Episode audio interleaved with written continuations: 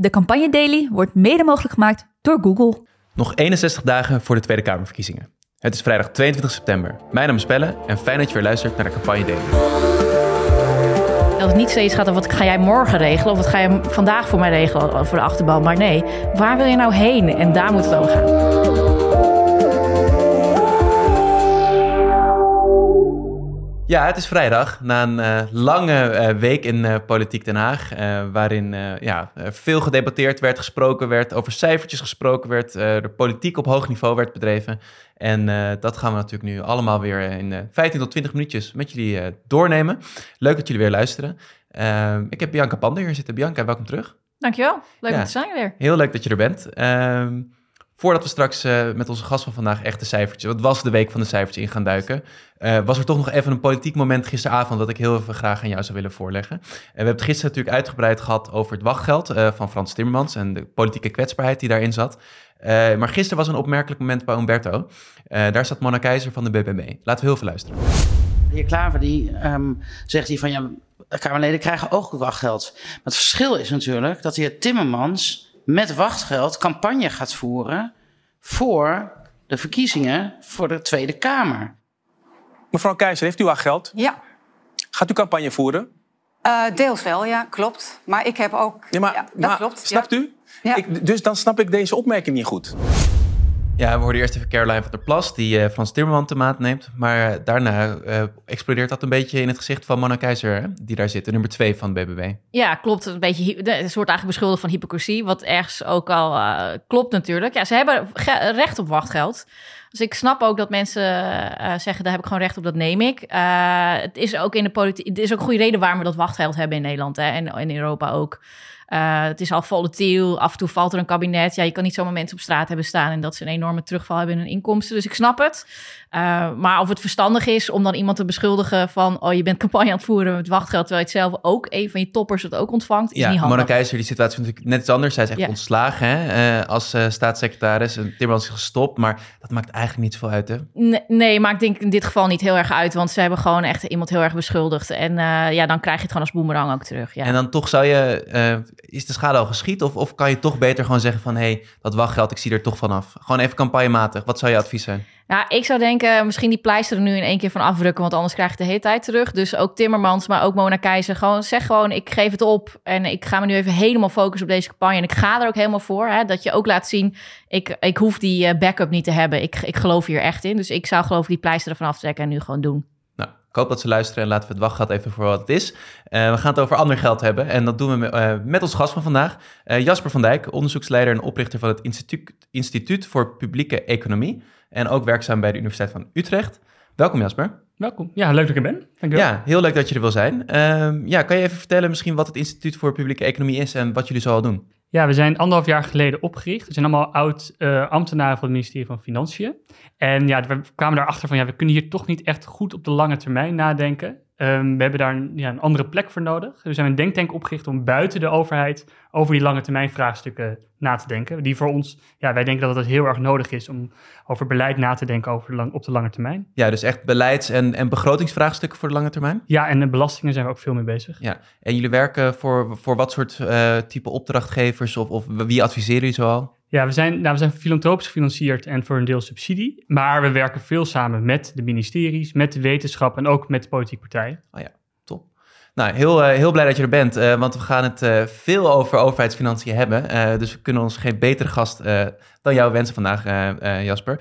Laten we gelijk even dan Allereerst beginnen met het debat van gisteren. Er werd natuurlijk, Mark Rutte was aan het woord. We noemden het gisteren al, die werd veel minder geïnterrumpeerd dan voorgaande jaren. En niet de hoofdrolspeler die die was, uh, is hij meer. Um, maar daarna gingen de fractievoorzitters ook nog met elkaar in gesprek. onder andere Caroline van der Plas. die werd veelvuldig aangevallen op de financiële haalbaarheid van haar plannen. gisteren was de dag dat fractievoorzitters moties konden indienen, dingen konden amenderen op de rijksbegroting. Dus een beetje konden bijsturen met hun eigen plannen.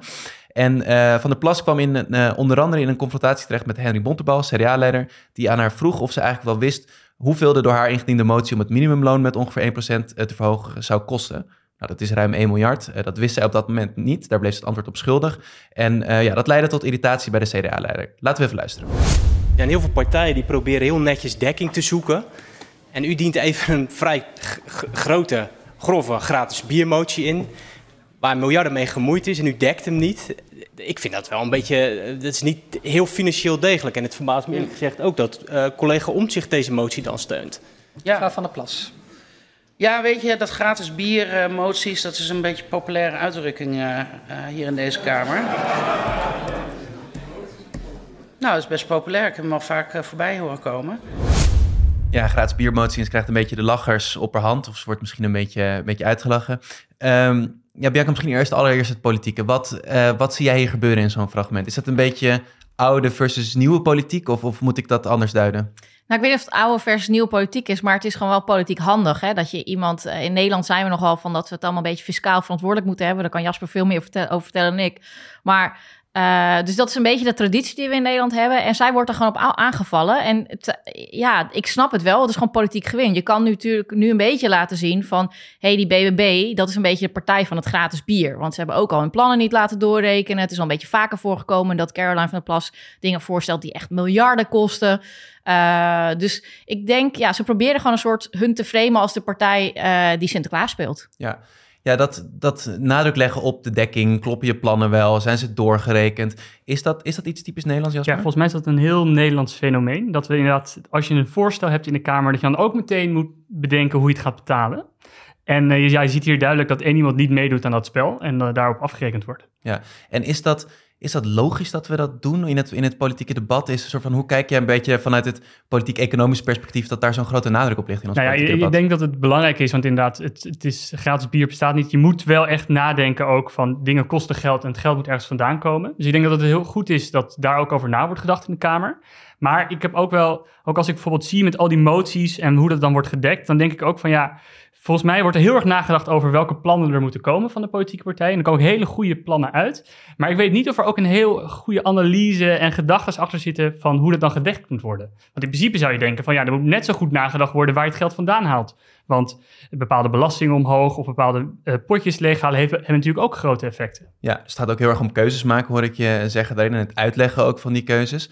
Um, ja, Bianca, jij signaleerde ook wel een beetje een iets bredere trend hè, in, in dat debat over uh, uh, moet je nou op cijfers baseren of niet. Uh, hoe kijk je dan ook vanuit dat perspectief naar, naar zo'n confrontatie? Nou, ik vind het best wel een beetje gevaarlijke ontwikkeling. We hebben het natuurlijk in Amerika hebben, hebben, het ook gezien. Hè. De afgelopen verkiezingen ging het over alternative facts. Alsof er een soort van twee soort feiten naast elkaar kunnen bestaan. Een soort van echte feiten en een soort van niet feiten. Ja, en dat bestaat natuurlijk niet. En ik zie dat nu ook weer een beetje gebeuren dat we hebben in Nederland echt de beste wetenschappelijke instituten. Uh, die doen allerlei hartstikke goede onderzoeken, maar er wordt een beetje zo selectief uit, uit wat hun uitkomt. Of het wordt genegeerd, zoals de VVD, die gewoon gezegd... nee hoor, we hebben echt nog steeds een aanzuigende werking voor, uh, voor migratie. En dat is gewoon niet waar. Dat is wetenschappelijk bewezen door een van hun eigen instituten. Ja, ik vind het wel opvallend dat, uh, dat, dat, dat dat niet wat harder wordt aangevallen, ook door andere partijen. Dat mensen op gewezen worden van, hé, hey, wat je nu zegt is gewoon echt geen feit. Uh, en je hebt gewoon toch feiten.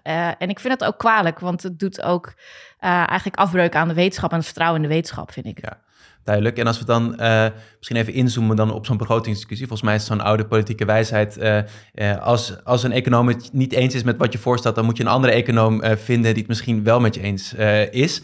Hoe kijk jij naar, als je naar zo'n debat kijkt en er wordt veel met cijfers gestrooid, cijfers gebruikt.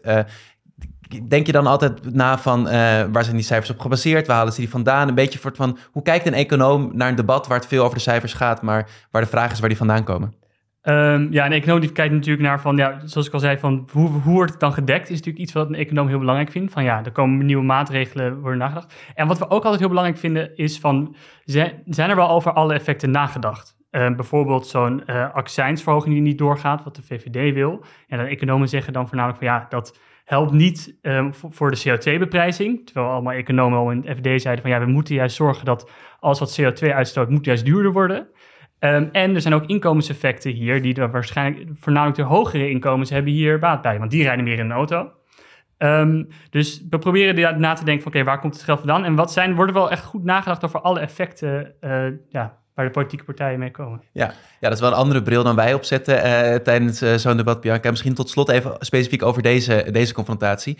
Ja, maakt het kiezers uiteindelijk uit of die plannen wel of niet gedekt zijn? Want het bestaat, hè, zo'n Kamer die dan een beetje lachend doen over Caroline van der Plas, spreekt misschien ook wel een bepaald dédain uit van ja, eh, jij kent de spelregels hier niet, je houdt niet aan de mores die hier geldt. Ik kan me voorstellen dat kiezers ook denken van ja, waar gaat het uiteindelijk over? Nou, ik denk wel dat haar achterban uh, ook zal zeggen: Goh, dit is weer typische Den Haag die onze mensen uitlachen, de ons soort mensen uitlachen. Dus ik denk, het kan alle twee de kanten op werken. Maar op een gegeven moment blijft er wel een keer iets plakken, zoals je dat dan zegt. Van uh, de verwijten richting uh, de BBB dat het niet onderbouwd is. Dus ik denk dat partijen, de tegenstanders van de BBB, daarop uit zijn. Dus zo vaak mogelijk maar proberen te benadrukken dat ze eigenlijk gratis geld weggeven. En hopelijk blijft dat een keer steken. Maar voor haar eigen achterban is dat nou typisch, hè, dat lachen. Wat, ja, dat was ook eigenlijk niet helemaal goed. Ik snap het wel. Ze, en Caroline van der Plas probeert ook vaak de lachers op de hand te krijgen. Maar het kan ook een beeld schetsen van, zie je wel, in Den Haag snappen ze gewoon niet zo goed waar wij behoefte aan hebben. Dus het kan beide kanten op werken. Kan beide kanten op, ja. En een beetje over de haalbaarheid van die plannen. Hè? Want het is elk jaar weer, weer een ding. Eh, het Centraal Planbureau laat partijprogramma's doorrekenen. Um, dat doen ze eigenlijk al jaren zo. En eigenlijk zie je elk jaar dat er steeds, of elke verkiezing, dat er steeds minder partijen dat doen. Uh, dit jaar uh, laten alleen nog de VVD, het CDA, D66, GroenLinks, PvdA, ChristenUnie, SGP en 50PLUS de programma's doorrekenen. De rest niet. Kan je een beetje uitleggen misschien, uh, Jasper, wat, wat die doorrekening nou is en, en waarom partijen dat wel of niet doen? Ja, dus, dus ja, politieke partijen hebben allemaal plannen over hoe ze de samenleving willen veranderen. Maar ja, die plannen kosten ook geld en hebben ook effecten. En het mooie van die doorrekening eerst is dat die plannen geconcretiseerd moeten worden. Dus je kan niet alleen maar zeggen de vervuiler betaalt of uh, de, de hogere inkomens moeten meer um, belasting gaan betalen. Je moet dan, het Centraal Planbureau komt dan terug van ja, oké, maar welke maatregel wil je dan precies doen? Dus dat is denk ik heel belangrijk, ook voor de kiezer zodat hij weet wat er te kiezen is. Want mm -hmm. de plannen worden heel concreet. En uh, daarnaast, niet alles kan tegelijkertijd. Uh, er is schaarste. Dus um, niet uh, de, de overheids... Ja, er zijn bepaalde kaders waar je het binnen moet doen. Je wil niet bijvoorbeeld de staatsgoed te veel laten oplopen. Dus het Centraal Planbureau kijkt ook heel erg wat die effecten zijn. Hoeveel het kost en wat er dan het totaalplaatje is.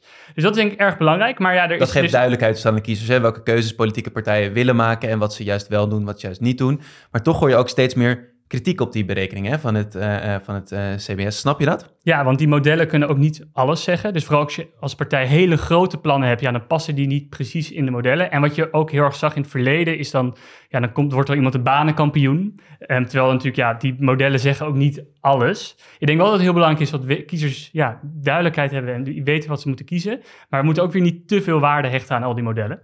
Um, en wat er bijvoorbeeld een kritiek van wat er niet in zit, is bijvoorbeeld ja, dat dan in economen term de baten van beleid worden genoemd. Dus bijvoorbeeld als je investeert in onderwijs, dan uh, wordt er niet in meegenomen dat daardoor ook bijvoorbeeld je economische groei toeneemt.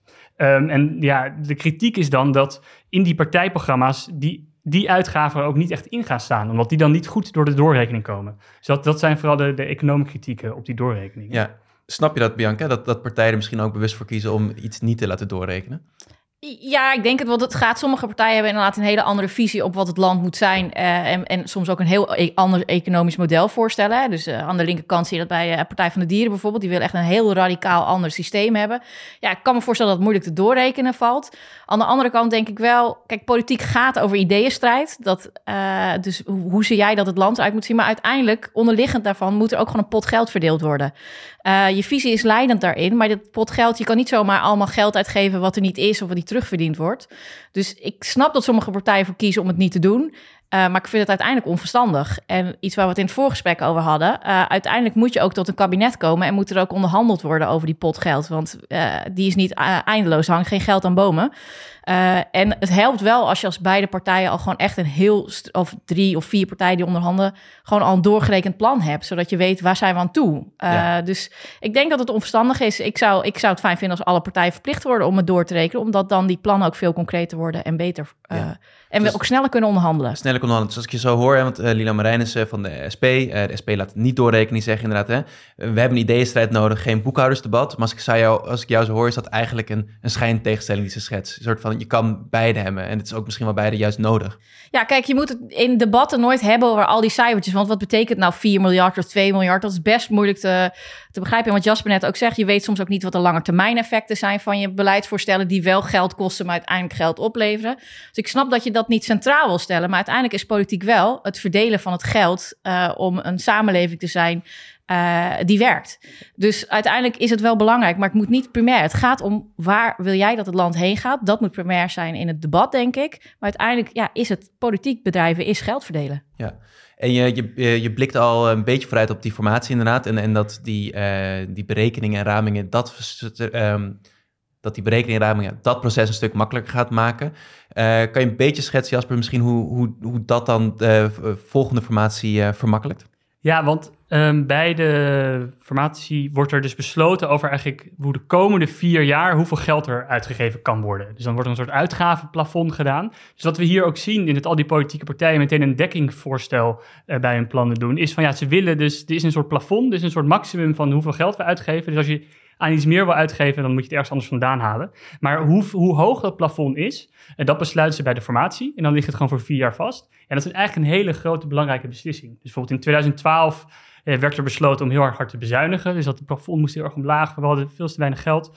Um, ja, en dat heeft hele grote effect op de economie. Dus de economen kijken vooral, ja, kijken daar kritisch naar, proberen goed na te denken van, worden daar wel de goede beslissingen genomen daarover? Ja, en die, de, voor de politieke partijen is dan zo'n eerste doorrekening van het verkiezingsprogramma is een mooi instrument of een handig instrument om zo'n belangrijke, uh, belangrijke begrotingsbeslissing te nemen. Ja, ik denk dat vooral die verkiezings, uh, dat die doorrekening heel erg helpt dat het formatie sneller gaat. Want ja. alles ligt op tafel, ze weten al wat de effecten zijn. Um, en dan kan je heel goed een, een, gesprek voeren over wat er nou precies in het regeerakkoord komt en wat niet. Um, en misschien zijn er wel plannen die hetzelfde zijn bij de partijen. Als dat niet zo concreet was, Um, en dus als al die partijen hun plannen niet laten doorrekenen, dan is, wordt het ook veel waziger bij de formatie en dan duren formaties misschien wel nog langer. Ja. Daar hoopt niemand op in dit land, denk ik. Uh, gisteren werd er tijdens uh, het debat ook uh, flink onderhandeld in de, in de achterkamertjes, in de zijdeuren van, van de grote zaal. Er werden gelegenheidscoalities gesmeed tussen verschillende politieke partijen die nog wat wilden vertimmeren aan de begroting. dat is uiteindelijk ook gelukt. Um, er, ze hebben er samen voor gezorgd dat het pakket om lage inkomens te helpen van 2 naar 4 miljard werd verhoogd. Best wel een verhoging, best wel veel geld wat uit werd gegeven. de NOS vat het zo samen. Het minimumloon gaat volgend jaar verder omhoog. Van 12,79 naar 13,50 per uur. Ook de uitkeringen stijgen, de kinderopvangtoeslag stijgt. Meer mensen mogen gebruik maken van het kindgebonden budget. De verhoging van de accijns op brandstof is definitief van de baan. De bezuiniging op streekvervoer gaat ook niet door. En treinkaartjes worden volgend jaar niet duurder. Ja, dat is een hele lijst, Bianca, van, uh, van maatregelen. En een ja, best wel omvattend pakket waar, waar politiek gezien misschien voor ieder wat wils in zitten. Ja, je ziet hier dat, uh, dat er verschillende partijen voor hun eigen achterban er toch er weer wat in hebben gekregen. Uh, het is er wel echt ook allemaal weer heel kort termijn, want uiteindelijk moeten we gewoon naar kijken naar wat er volgend jaar uitkomt bij de onderhandelingen. Uh, want dit is gewoon, ja, uiteindelijk bepaalt een nieuw kabinet echt de lijn. En, en dit is gewoon nu tijdelijke reparatie. Laten zien dat je er bent voor de middenklasse, zoals de VVD heeft proberen te doen. Uh, laten zien dat je er bent voor, voor de mensen die het echt heel zwaar hebben. Dus iedereen heeft gewoon iets voor zijn eigen achterban eruit weten te slepen. Of het allemaal even verstandig is en of het echt langdurig beleid gaat worden, dat is natuurlijk de vraag. En dat weten we pas na de verkiezingen, denk ik. Ja, en als we even kijken naar de verkiezingen alvast, want inderdaad, eh, van 2 tot 4 miljard, dat klinkt als een hoop geld, maar op een hele rijksbegroting is dat natuurlijk niet, uh, niet mega veel. Um, hoe, hoe zie jij, even kijken, dat, dat bredere, misschien metagesprek over de overheidsfinanciën, Jasper? Je hebt daar een stuk uh, over geschreven eerder uh, deze week. Dat zullen we in de show notes zetten. Uh, maar ja, blik een beetje met ons daarop vooruit. Ja, dat. Ehm, dus wat er vaak fout gaat um, als je kijkt naar de verschillende formaties in het verleden, is dat als het heel goed ging, dan gingen we heel veel meer geld uitgeven. En als het slecht ging met de economie, gingen we hard bezuinigen. Um, in principe zijn iedereen het er wel over eens nu dat dat niet verstandig is. Mm. En dat de bezuinigen, zoals in 2012, hele grote effect heeft, nu nog steeds. Um, dus het is ten eerste echt heel belangrijk om niet met die zo van, ik denk dat het overheidsfinanciën zijn, zien er goed voor, we gaan, gooien de sluis weer op. Dat is niet verstandig. En daarnaast, er moet waarschijnlijk geld gevonden worden. de, de Rutte 4 gaf wel wat te veel geld uit. De staatsschuldverwachtingen lopen erg hard op. Dus er moet ja, geld gevonden worden. Kan door belastingen te verhogen of te bezuinigen. En wat vooral heel belangrijk is, dat als er geld gevonden moet worden, dat dat dan wel op een slimme manier gebeurt. En dat er dan niet met een kaasschaaf voor bij de rechterlijke macht uh, weer geld vandaan uh, gehaald wordt, waardoor we weer nog grotere tekorten krijgen aan rechters. Of bijvoorbeeld de problemen bij de Belastingdienst uh, van nu, ja, die zijn veroorzaakt door bezuiniging in 2012, zijn Van Rij laatst zelf ook. Dus het is vooral de staatssecretaris van Financiën van Rij. En dus het is, vooral, het is vrij belangrijk dat dan dus niet zomaar een beetje geld overal wordt weggehaald, maar dat er echt goed gekeken wordt van oké, waar kunnen we geld vandaan halen zonder dat het grote effecten heeft op de publieke sector of op de economie zelf? Ja, en er zijn bijvoorbeeld allemaal belastingkortingen en zo in het systeem die oh, uit allemaal ambtelijke rapporten blijkt dat die niet effectief zijn. Ehm, bijvoorbeeld hypotheekrenteaftrek, um, allemaal subsidies voor boeren. Um, er, er, zitten heel veel dingen in het systeem, maar belangrijk is wel, als je die maatregelen wil nemen, ja, dan gaan bepaalde groepen in de samenleving gaan zich roeren. En die gaan zeggen, ja, maar onze belastingkorting, wij gaan erop achteruit. Dus het, is, het vergt ook politieke moed om die overheidsfinanciën op orde te brengen, zonder uh, ja, schadelijke effecten, zou ik zeggen. Dus ik hoop ik heel erg dat bij de formatie dat, uh, dat gaat gebeuren. Ja, Ik, ik, denk het vergt niet alleen politieke moed om die keuzes te maken, maar om, ook om ze uit te leggen. Dus om ook het eerlijke, daar ben ik echt wel op zoek naar politiek leiders die dat nu eens gaan uitleggen. Van de keuzes die we maken zijn niet morgen daar. En dat zag ik de afgelopen dagen wel een beetje in het debat, dat het allemaal besluiten zijn van we gaan morgen even wat voor je regelen. Terwijl in werkelijkheid werkt het niet zo. En moet je ook uitleggen dat als je structurele veranderingen wilt, als je het openbaar voer betaalbaar wilt houden, dat dat ook vergt dat je lange termijn investeringen moet doen. Dat je op een andere manier moet kijken naar hoe het land ingericht is. En dat kost jaren. En dat zou wel eens fijn zijn dat we dat gesprek iets meer voeren, uh, ook in de politieke debatten. En dat het niet steeds gaat over wat ga jij morgen regelen of wat ga je vandaag voor mij regelen voor de achterbal. Maar nee, waar wil je nou heen? En daar moet het over gaan. Duidelijk. Meer aandacht uh, voor de lange termijn. Uh, volgens mij een mooi betoog van jullie beiden. Uh, ik wil tot slot nog wat aandacht op de korte termijn toch vestigen. Uh, dit weekend zijn er namelijk verschillende partijcongressen. Uh, zowel het CDA als de VVD komen bijeen. Maar ook de Partij voor de Dieren. ja, dat wordt natuurlijk een interessant congres. Na alle strubbelingen die zij intern hebben gehad. En Esther Ouwehand die daar zal spreken. gaan we natuurlijk op letten. Ook de BBB heeft een ALV volgens mij officieel. Er ontstond ook wat onrust over hun lijst en mensen die er waar stonden. Dus dat wordt wellicht ook wel een roerig bijeenkomst waar we met veel interesse naar gaan kijken. En waar we jullie zeker ook op tippen om dat in de gaten te gaan houden. Wat je ook zeker in de gaten moet houden is onze Instagram, Campagne Daily, want daar gaan we iets nieuws proberen. we gaan een vragen vijf minuutjes opnemen dit weekend waarin we vragen van luisteraars beantwoorden. Dus vind je dat leuk? Tune dan even in op onze Instagram. Um, ja, dat was het voor vandaag. Bianca, onwijs leuk dat je wilde aanschuiven. Uh, Jasper, heel groot dank uh, voor je economische analyse. Het was een iets andersoortige podcast daardoor, maar ik vond het heel fijn dat we even weg konden zoomen van, van die dagelijkse politieke realiteit en met jou op de lange termijn uh, konden blikken. Dus dank dat je er was. Ja, leuk dat ik uitgenodigd ben. Ja, zeker. En nou ja, zoals je weet zijn we maandag weer terug om vier uur in je favoriete podcast app. Like, volg en deel ons vooral en dan zien we jullie na het weekend. Fijn weekend.